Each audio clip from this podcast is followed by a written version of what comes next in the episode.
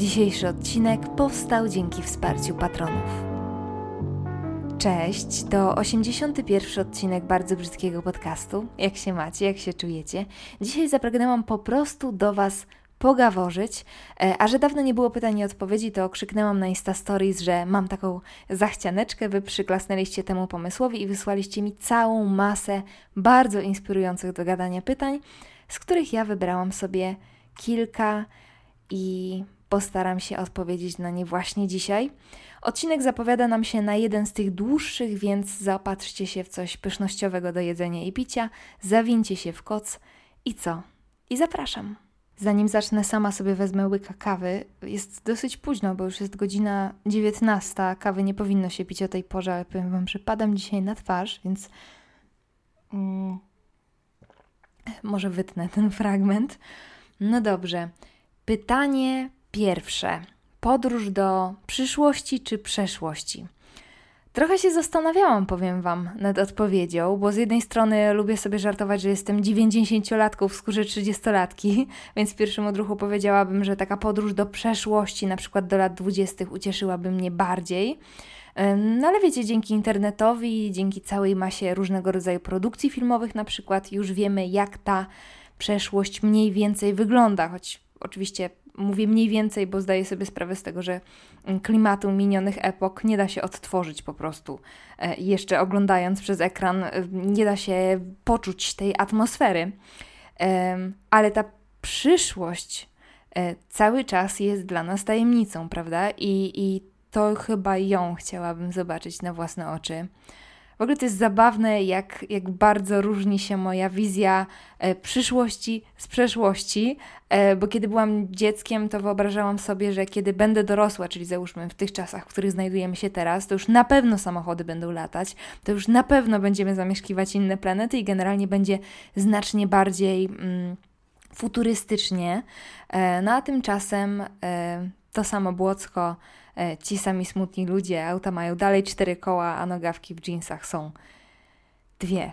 E, jasne, że nauka i technologia pogalopowały do przodu, ale mm, ja w ogóle miałam wizję mm, taką rodem z łowcy androidów. Fantastyczny film swoją drogą. E, ciekawe, jak świat będzie wyglądał za 50 lat.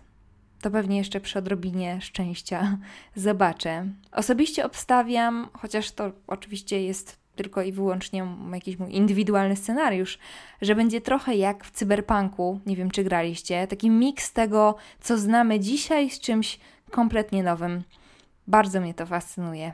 No a jak będzie, no zobaczymy. Bylebyśmy się do tego czasu sami nie unicestwili. Pytanie drugie. Jak planujesz i organizujesz dzień? Hmm, przez to, że od czasu do czasu pokazuję na Instagramie moje planery i o planowaniu trochę opowiadam, to w oczach niektórych, przynajmniej odnoszę takie wrażenie, mogę uchodzić za bardzo zorganizowaną. Ale wszystko tak naprawdę zależy od dnia i od tego, czy mam nad sobą przysłowiowy bat, czy gdzieś tam na horyzoncie nie majaczy jakiś deadline.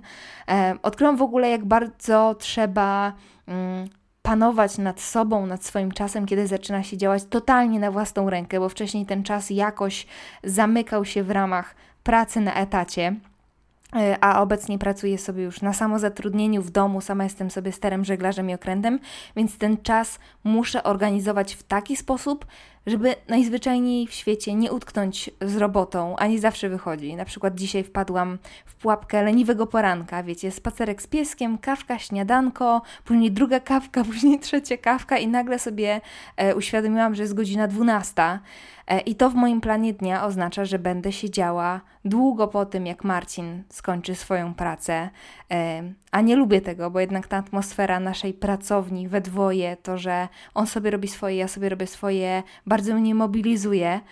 No ale trudno, mus to mus. Będę cisnąć, ile fabryka dała do późnej nocy. Ale odpowiadając na Twoje pytanie, organizacja dnia jest bardzo ważna i im więcej ma się na głowie, tym jest przynajmniej dla mnie ważniejsza. I ja mam pewien system. Działam na papierowym planerze, bo uważam, że nie ma nic skuteczniejszego niż ręczne jednak zapisywanie zadań. Może to również wynikać z faktu, że jestem starej daty, ale oprócz planera papierowego, tak na własną obronę, mam też planer komputerowy, o którym za chwilę, bo one się mm, ze sobą e, współpracują. W planerze papierowym zapisuję takie kobyły na dany dzień i wydarzenia do przodu, które będą się działy w kolejnych dniach. On pełni, mój planer papierowy pełni funkcję takiego troszeczkę kalendarza, e, czyli nie wiem, projekty do oddania, kiedy podcast, kiedy muszę coś wysłać, kiedy mam jakieś dzwonki z klientami, kiedy realizuję współpracę, takie najważniejsze pracowe rzeczy właśnie, bo w tym kalendarzu zapisuję głównie rzeczy służbowe albo na przykład jakieś wyjazdy. E, I to sobie wypisuję w tej części kalendarzowej planera, a po drugiej stronie, bo każdy tydzień dzieli się na tę część kalendarzową i pustą stronę do zapisywania. I na tej pustej stronie zapisuję sobie cele tygodnia i tabelę nawyków. O nawykach kiedyś Wam w ogóle poopowiadam w oddzielnym odcinku, bo to jest e, bardzo ciekawe zagadnienie.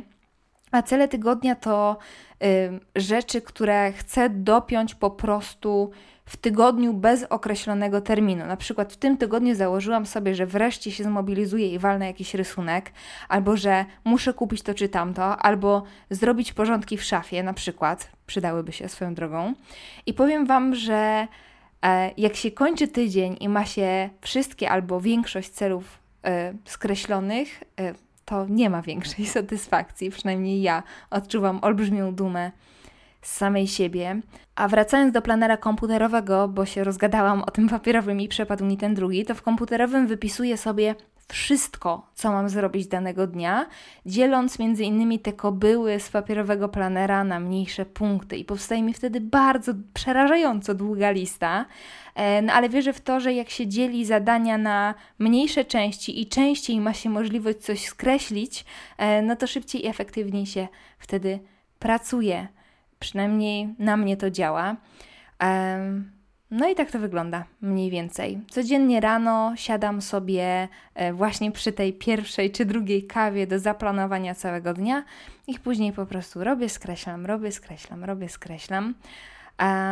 Poza tym staram się pracować w takim klasycznym zakresie godzinowym, czyli od 9 do 17 E, wychodzi przeróżnie, jak już wspomniałam, no ale to dopiero moje pierwsze miesiące takiej samodzielnej pracy, więc staram się nie zniechęcać i cisnąć do przodu. Kolejne pytanie: jaki wpływ ma na ciebie pandemia? W ogóle dużo pytań dotyczyło skutków pandemii i tego, jak się w tej now, nowej, rocznej rzeczywistości odnajduje, więc potraktujcie tę odpowiedź jako odzew na takie mm, zbiorcze pytanie. Zatem, jak się odnajduje? No, no średnio, bardzo średnio bym powiedziała, a jestem w absolutnie uprzywilejowanej sytuacji, z czego zdaję sobie sprawę, więc pozostaje mi się tylko domyślać, jakie piętno ten czas odciska e, na przykład na osobach, które taszczą na swoim karku różnego rodzaju zaburzenia, choroby, czy, czy choćby straciły na wskutek pandemii pracę. Nie mówiąc już o stracie bliskich osób. To jest przerażające w ogóle i mam wrażenie, że z tygodnia na tydzień ta lista osób poszkodowanych jest coraz dłuższa. E, więc za każdym razem, kiedy ja samą siebie mam osadzić w tych pandemicznych realiach, no to stwierdzam, że aż tak źle nie jest, chociaż dobrze też, też nie. Co nie zmienia faktu, że moje problemy są problemami pierwszego świata. Mi po prostu brakuje ludzi, brakuje mi kontaktu z drugim człowiekiem, jakiejś swobody, możliwości podjechania gdzie chcę, kiedy chcę, możliwości planowania, bo tych planów musiałam zdusić w zarodku bardzo, bardzo dużo, albo zmieniać je w ostatnim momencie, co jest najgorsze, bo jestem absolutnym kontrol freakiem i takie działania bardzo długo odchorowuję.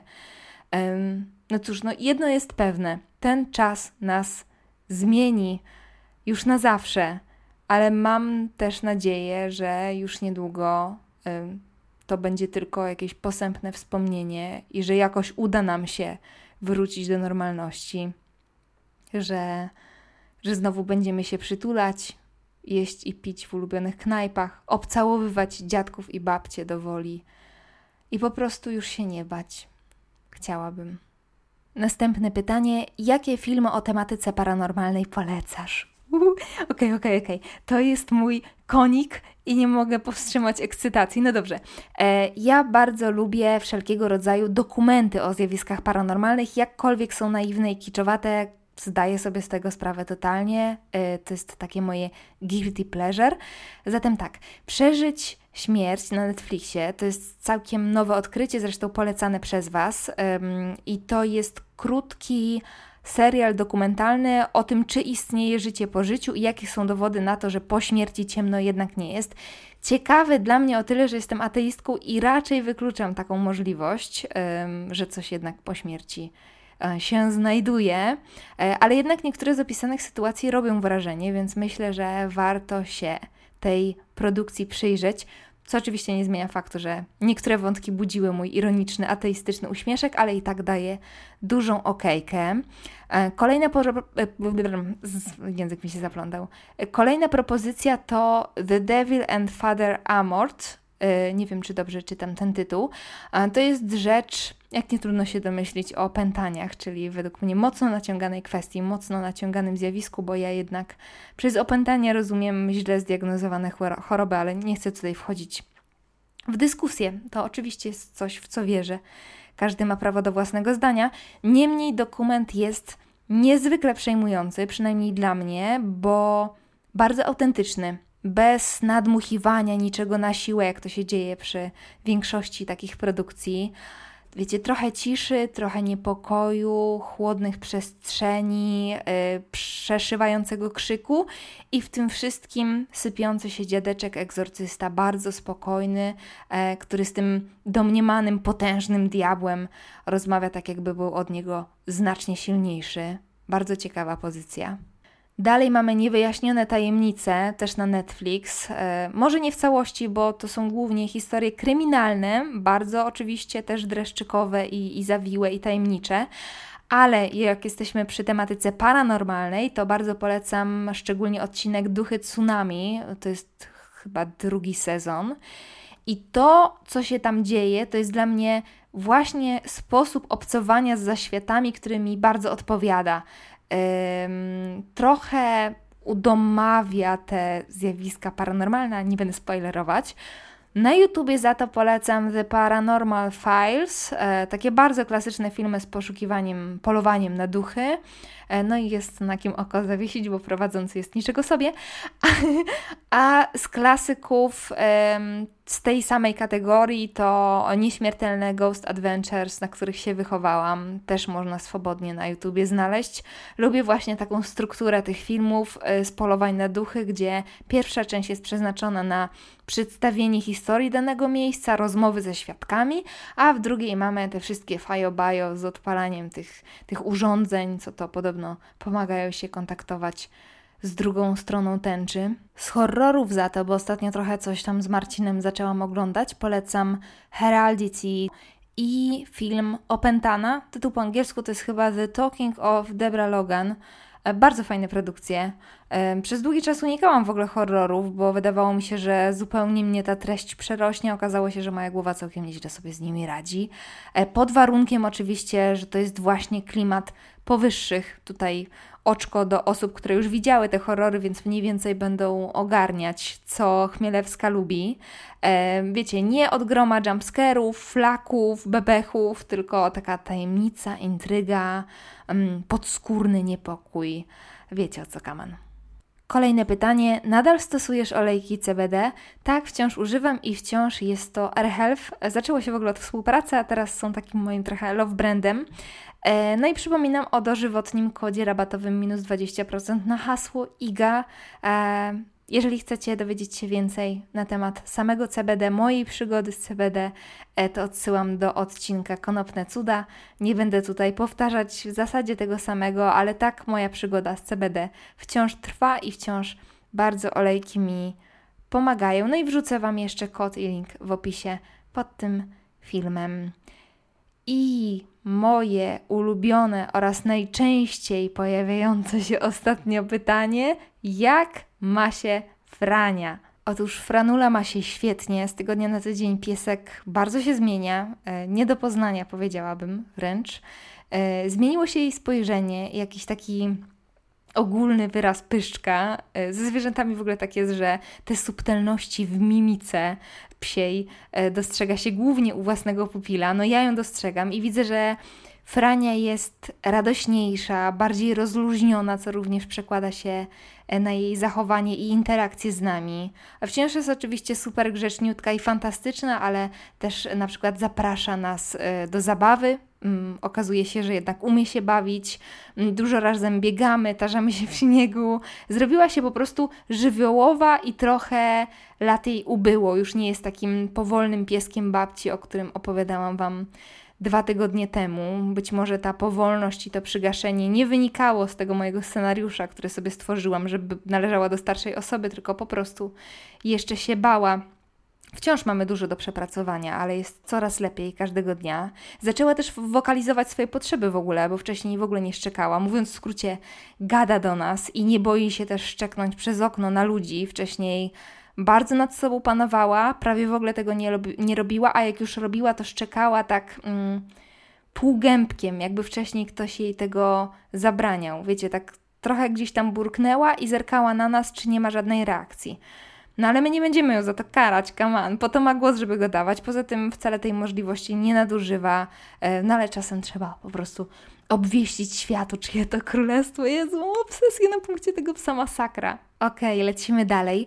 Tradycyjna biała sukienka czy coś innego? W ogóle dużo pytań na temat mojego ślubu się pojawiło, więc tutaj też tak trochę zbiorczo. Powiem Wam, że ja kompletnie nie mam do tego głowy. Ślub planujemy dopiero na 2022 i wiem, że to nie jest dopiero, że powinnam się już za to wziąć, e, salę zaklepywać i tak dalej, i tak dalej. No ale ja nie mam jakoś do tego nabożeństwa, chyba przez to, że ja nigdy nie miałam takiej fazy na planowanie ślubu, oglądania sukienek, tych wszystkich rzeczy. E, nigdy mnie to jakoś, ta wizja mnie jakoś nie jarała, e, jak niektóre na przykład moje koleżanki. Z takich informacji ogólnych, o które często jestem pytana, to z racji tego, że jesteśmy z Marcinem niewierzący, to do ołtarza mm, nie idziemy. Zamieniamy ołtarz na ślub cywilny poza urzędem, w jakimś urokliwym miejscu, gdzie od razu po ceremonii tak sobie wymyśliliśmy, że od razu po ceremonii, ceremonii, będzie można trochę potańcować, czyli w tym samym miejscu, w którym będzie się odbywała ceremonia zaślubin, będzie też miejsce na wesele. E, wiecie, my jeszcze wracając na chwilę do tematów kościelnych, mamy takie podejście, że gdyby ta druga osoba była wierząca i miała potrzebę pójścia do ołtarza, to spoko, bo jesteśmy w stanie się dla siebie poświęcić, ale u nas sprawa jest jasna, więc o kościele, do którego po drodze nie mamy kompletnie, nawet nie myślimy. Suknia za to, tu Was zdziwię, marzy mi się dosyć klasyczna, raczej biała, bo w tych wszystkich kremowych kolorach mm, jest mi dosyć nietwarzowo, po prostu się z nimi zlewam. E, I suknia również dosyć prosta, ale też się nie zafiksowuje na dany krój, bo jeszcze nie wiem, w jakim będzie mi najlepiej. Także jak słyszycie, wszystko gotowe mniej więcej tak jak student z tydzień przed sesją, czyli wcale, ale będę Wam raportować na bieżąco, jak coś się ruszy w tej materii. Może nawet jakiś ślubny odcinek powstanie, już się gdzieś odgrażałam w związku z tym, więc pewnie coś takiego się pojawi, no ale wszystko w swoim czasie. Kolejne pytanie jest całkiem ciekawe. Jak się czułaś i czujesz ze swoim imieniem? Trochę sobie skróciłam, dlatego że dalsza jego część dotyczyła tego, że w latach 90., na które przypadało moje dzieciństwo, Iga, bo mam na imię Iga, dla tych, którzy trafili na ten podcast całkiem niedawno, e, Iga była dosyć oryginalnym imieniem, e, ale myślę też, że dobrze to imię rezonowało i rezonuje z moją osobą tak mi się wydaje. E, zawsze trochę odstawałam od grupy, więc to imię e, po prostu podkreślało mój wrodzony indywidualizm albo, albo bycie poprzeczniakiem, jak to się u mnie w domu mówi, czyli wiecie, wszyscy w jedną, ja w drugą. To w dużym uproszczeniu właśnie jest moja osoba i moje podejście do świata. Na pomysł wpadli moi rodzice, byłam takim wyczekiwanym dzieckiem, bo starali się o mnie 4 lata. E, podobno Igą miałam być od początku, imię wzięło się od Igi Cembrzyńskiej, polskiej aktorki. No i co? I całkiem je lubię. Przez długi czas uważałam je za mało poważne, bo przez większość życia e, ludzie pytali mnie, od czego to jest skrót, od czego to jest zdrobnienie. No ale jestem z nim całkiem okej. Okay. Takie śmieszne, takie moje. Dobrze, lecimy dalej. Chciałabyś wrócić do jakiegoś momentu w życiu? Hmm, Może do czasów studiów, takich początków, początków w Krakowie, ale tylko czasem. Dużo się wtedy działo po prostu, dużo głupot narobiłam. Może gdybym wróciła, to lepiej bym ten czas zagospodarowała, lepiej się tą beztroską nacieszyła, ale też bardziej zadbała o tę moją wczesną dorosłość, o ten start. No ale tak naprawdę taką chęć mam raz na 100 lat, powiem Wam szczerze, bo według mojej filozofii ważne jest teraz, właśnie dlatego, żeby za jakiś czas nie mieć potrzeby powrotu, żeby cokolwiek naprawiać albo robić inaczej. Dalej, jak brzmiał komplement skierowany pod Twoim adresem, który najbardziej zapadł Ci w pamięć?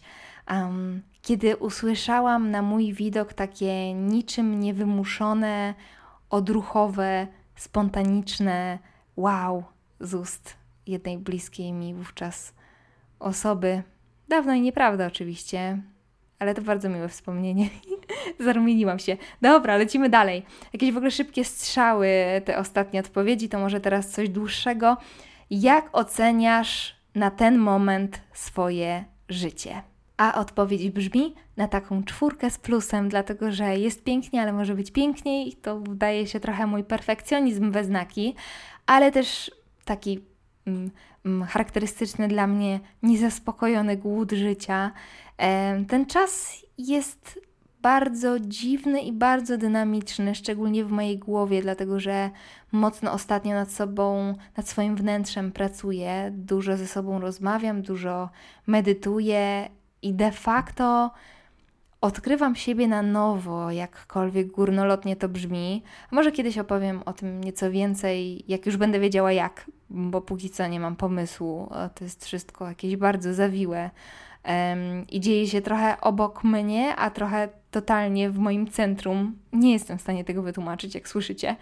E, I z jednej strony tak dużo się dzieje we mnie, a z drugiej dookoła mnie niewiele, e, w dobrym tego słowa znaczeniu. Tak wiecie, osiedliśmy, nareszcie udało się przeprowadzić, urządzić. Ja pomału dochodzę do skutku z jakimś nowym rytmem. E, wiem, że może nie widać tego po częstotliwości odcinków i rysunków, ale wszystko w swoim czasie. E, ale mimo wszystko ten rytm pomału się odnajduje, jest w ogóle inny niż przypuszczałam ale na tyle znośny, że nareszcie po wielu latach nie muszę już sobie flaków wypruwać i rezygnować z siebie na rzecz pracy. Zatem zapowietrzyłam się.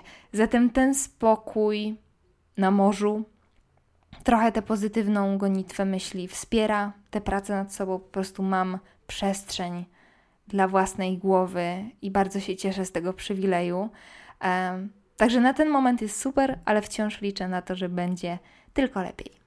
Następne, niezwykle przyjemne pytanie, chyba w ogóle moje ulubione z całego tego QA. Słuchajcie, pierwsza rzecz, którą byś zrobiła po zdjęciu wszystkich obostrzeń i końcu pandemii. Czy wy sobie to wyobrażacie w ogóle? Czy to się kiedyś wydarzy? Ja już naprawdę pomału tracę nadzieję, ale gdybym miała puścić wodze fantazji, to wyciągnęłabym z szafy ubrania, których nie noszę od długiego, długiego czasu, od wielu miesięcy, bo nie ma na nie okazji i umówiłabym się ze znajomymi w jakimś moim ulubionym miejscu e, w Krakowie, w którym balowałabym jak szalona do białego rana. Nie mam jakichś wielkich zachcianek w postaci nie podróży dookoła świata. Po prostu chciałabym najzwyczajniej na świecie spotkać się z tymi, za którymi trochę tęsknię i no i przez chwilę chociaż poudawać, że jest jak kiedyś. Dobrze, lecimy dalej. Trzy Twoje sukcesy w tym tygodniu. Dostałam takie zadanie na psychoterapii i nie wiem. Powiem Ci, że ja też przez chwilę nie wiedziałam, dlatego że um, no, nie robimy tego na co dzień, prawda? I, I ciężko docenić się za drobiazgi, bo sukces kojarzy nam się zwykle z jakimś wielkim osiągnięciem. Ale tak nie jest. Tych takich drobnych sukcesów jest bardzo dużo, tylko trzeba się nad nimi zastanowić i trochę się za te drobiazgi docenić. E, więc e, mój sukces numer jeden w tym tygodniu jest taki, że przez cały tydzień nie pomyślałam, że sobie nie poradzę, a często mi się to ostatnio zdarza. E, i, I generalnie muszę bardzo pracować nad sobą, żeby takie myśli puszczać dalej, bo one oczywiście, że się pojawiają, zwłaszcza u osób wysoko wrażliwych, ale ważnym jest, żeby nie dać się im zagnieździć w głowie, żeby nie zdominowały całego mojego dnia i w tym tygodniu się udało, żadna z tych takich bardzo negatywnych myśli nie rozkwitła, w mojej czaszce. Sukces drugi e, jest taki, że Frania nareszcie zaczęła się przy nas odblokowywać i dodam to do listy własnych triumfów. A co? E, bo naprawdę stanęliśmy z Marcinem na rzęsach, żeby tak się właśnie stało, bo generalnie przy takich wystraszonych pieskach no to się nie dzieje samo, a przynajmniej nie w takim tempie. I, I, bardzo się staraliśmy, bardzo dużo pracy włożyliśmy w to, żeby czuła się u nas dobrze i pomału to nasze postępowanie daje efekty, więc to jest sukces drugi. A sukces trzeci to, że udało mi się nagrać dwa odcinki podcastu w tym tygodniu, e, z czym mam ostatnio e, trochę problem bo cały to, przyznam Wam się do tego, że, że mam jakiś taki mini kryzysik. To wciąż nie jest taki kryzys jak przy bardzo brzydkich rysunkach, e, ale od tych kilku tygodni cały czas brakowało mi albo czasu, albo natchnienia i muszę być dla siebie trochę łaskawsza w tym nagrywaniu, bo znowu zaczynam wpadać w taką pułapkę, która jest dla mnie bardzo charakterystyczna, czyli mm, taką e, pułapkę perfekcjonizmu internetowego, pułapkę liczby, ilości odsłon, jakiegoś porównywania się z innymi. To jest absolutne zabójstwo dla mojej kreatywności, więc muszę nad tym popracować, ale udało się ten drugi odcinek, co prawda w ostatnim momencie, ale jednak nagrać. E, więc to jest mój sukces trzeci. E, I powiem Wam, że takie wyliczanie sukcesów jest e, sprawą niełatwą, ale warto się do takiego ćwiczenia zmobilizować, nawet jeżeli nie jest zadane na psychoterapii, bo fajnie po prostu podnosi nas na duchu, trochę podpompowuje do działania. Także w ogóle dzięki za to pytanie. Fajne ćwiczenie. Już ostatnie pytanie natury filozoficznej: czym jest dla Ciebie szczęście? Myślę, że szczęście to jest taki mm, punkcik na horyzoncie, który czasem jest bliżej, czasem jest dalej i zawsze wydaje nam się, że to, co nam tam na horyzoncie majaczy, to jest jakaś wyspa, e, do której kiedyś dopłyniemy i na niej zamieszkamy, dlatego cały czas płyniemy w stronę szczęścia. E, wyobrażamy sobie, jakby to było, jakby to wyglądało, gdybyśmy na tej wyspie zalegli na stałe. I faktycznie czasem docieramy na jej brzeg, ale za chwilę znowu jest punkcikiem na horyzoncie. Jezu, Chmielewska. Chmielewska na skrzydłach poezji. Przepraszam Was, jakoś popłynęłam. Czasem mam jakieś tak... Ania z Zielonego Wzgórza mi się włącza. A tak kompletnie serio, to szczęście jest dla mnie właśnie tymi ulotnymi momentami. Wydaje mi się, że mm, najwięcej radości sprawia właśnie... Te, te, te momenty najwięcej radości sprawiają właśnie wtedy, kiedy z tej ulotności zdajemy sobie sprawę, kiedy szczęście, szczęście nie bierzemy za pewnik.